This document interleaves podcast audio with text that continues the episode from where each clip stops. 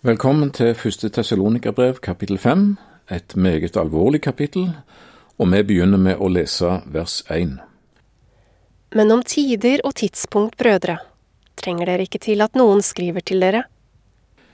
Paulus har nettopp snakket om Jesu komme for å hente sine. Nå skal han gå over til å snakke om konsekvensene som Jesu komme får for den som ikke er frelst. Men før dette begynner han med å si jeg trenger jo ikke å skrive til dere når det angår tider og tidspunkt for dette. Der er dere informert. Ja, vi skulle jo ha likt og visst mer. Disiplene spurte mesteren, si oss, når skal dette skje?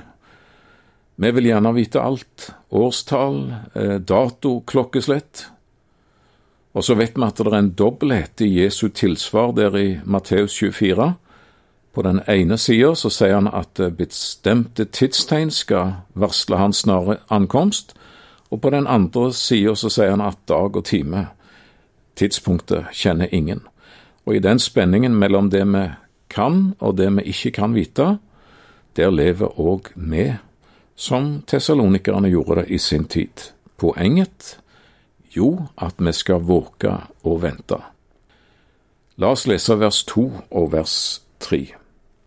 Dere vet jo selv godt at Herrens dag kommer som en tyv om natten. Når de sier fred og ingen fare, da kommer en brå undergang over dem.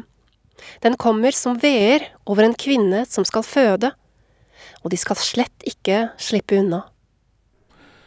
Paulus har altså i foregående kapittel skrevet om Jesu gjenkomst for de troende, men han har ikke skrevet om det som en snikende tyv om natta. Han har snakka om temaet som om han snakker om en brudgom som kommer for å hente sin brud.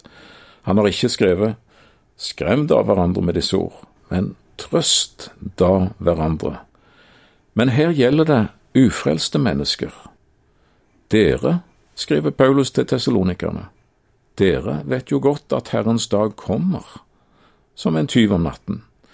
Ikke for dere men for de som sier fred og ingen fare, de som ikke regner med dette.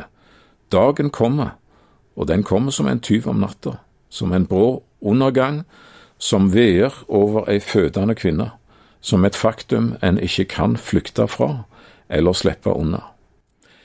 Paulus omtaler en bestemt dag, Herrens dag, og denne dagen har en helt spesiell klang i Det gamle testamentet, for det er Guds domsdag. Og Jesaja advarer, Se, Herrens dag kommer, fryktelig og full av harme og brennende vrede. Amos sier, Ved dere som lengter etter Herrens dag, hva vil dere med Herrens dag? Herrens dag er mørke og ikke lys, belgmørk og uten lysskjær.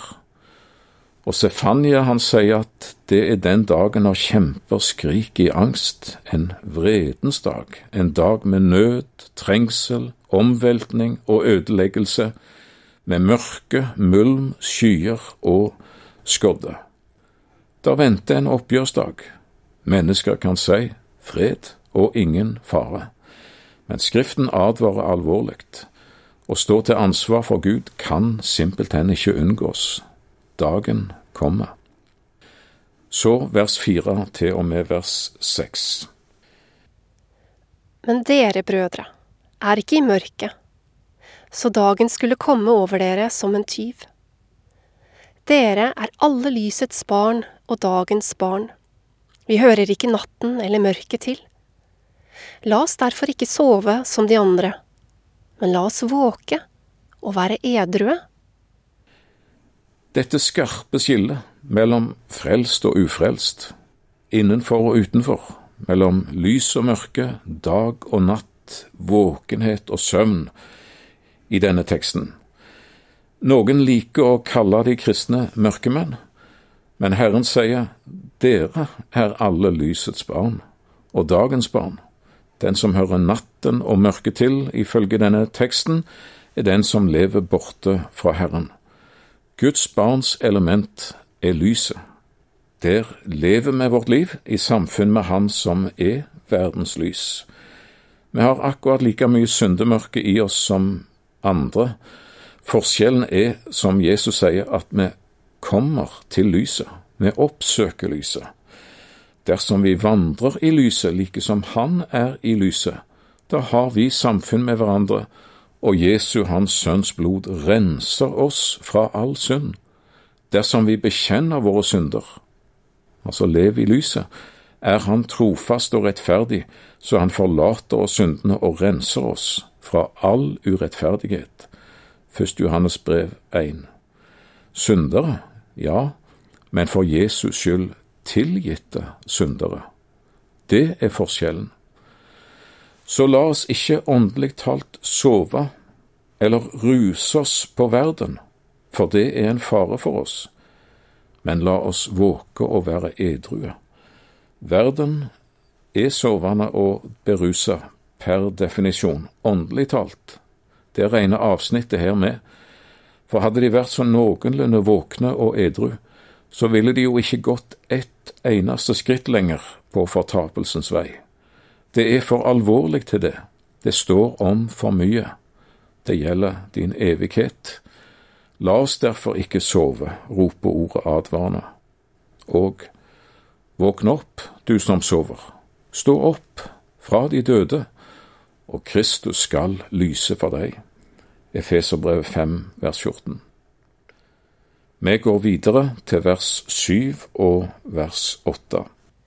De som sover, sover jo om natten, og de som drikker seg drukne, er drukne om natten.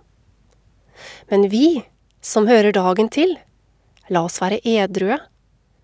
La oss stå iført troens og kjærlighetens brynje med håpet om frelse som hjelm. Vi som tror er soldater, sier vers 8. Vi er innrullert i Frelsesarmeen, og vi må ikke sove på vår post for vi er i strid, under angrep fra en åndehær av ondskap, mektige fiender, Efeserbrevet 6. La oss stå iført troens og agapens brynje. Altså, la oss være klar til kamp, at vi står iført vår rustning. Vår hjelm er håpet om frelse. Så vet vi at Paulus i Efeserbrevet 6 kompletterer og utfylle denne lista til å bli Guds fulle rustning. Her tar Paulus bare for seg rustningens hoveddeler. Brynjen, den beskytter overkropp og hjerte, og hjelmen som dekker hodet.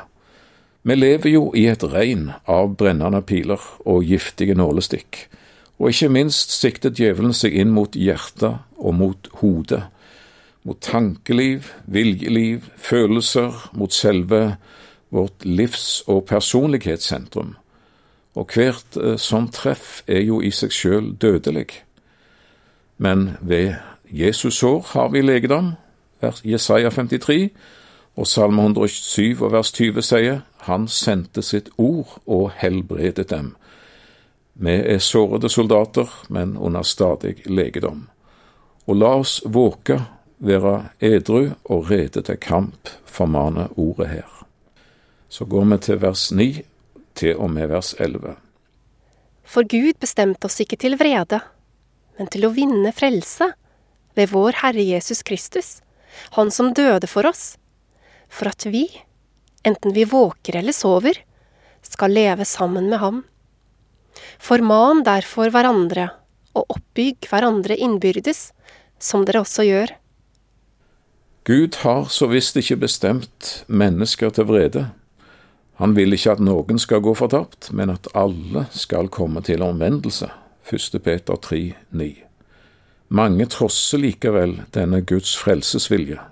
De kom ikke til omvendelse. De løper i motsatt retning. De avviser altså den frelse som ligger ferdig for de. Og velger en et liv uten Jesus, så blir òg konsekvensen evigheten uten Jesus. Derfor kaller Gud, roper på mennesker, faktisk fra solens oppgang og til dens nedgang, for han har ikke bestemt deg til vrede, men til å vinne frelse. Han som døde for oss, sier vers 10. Hvorfor? Med hvilken hensikt? Jo, for at vi, enten vi våker eller sover, skal leve sammen med ham. Paulus har før talt om den åndelige søvn og advart mot den. Her er det snakk om fysisk, normal, vanlig søvn, og Paulus vil gjerne understreke at det er en hel døgnsfrelse han snakker om. En 24 timer i døgnet og 86 400 sekunder per døgn frelse, det gjelder. Enten vi våker eller sover. Enten det er dag eller natt.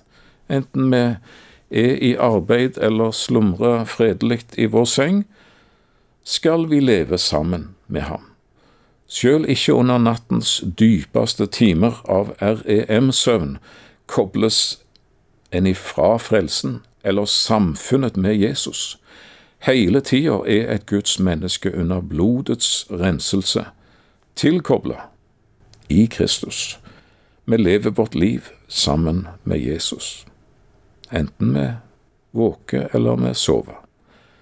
Så er vi kommet til vers 11. Forman derfor hverandre. Altså ha den omsorg for hverandre at dere veileder og korrigerer og trøster og inspirerer hverandre, sier ordet. Og oppbygg hverandre innbyrdes. Ordet betyr egentlig å bygge opp et hus, det motsatte av å rive ned. Og kristen oppbyggelse er ikke det samme som rent menneskelig oppbyggelse, at en klapper en annen på skulderen og sier at 'så bra, du er så flink, du er god'. Det eh, trenger vi jo òg å høre, absolutt. Men kristen oppbyggelse, det handler om det det står om i Judas brev vers 20. Oppbygg dere på deres høyhellige tro. Altså ved å høre troens ord om Jesus hva du har i Jesus, og hva du er i Han. Dette gjør dere allerede. Formane hverandre og oppbygge hverandre. Fortsett å gjøre det. Eh, det minner Paulus tessalonikerne om, og oss om at vi skal gjøre det samme.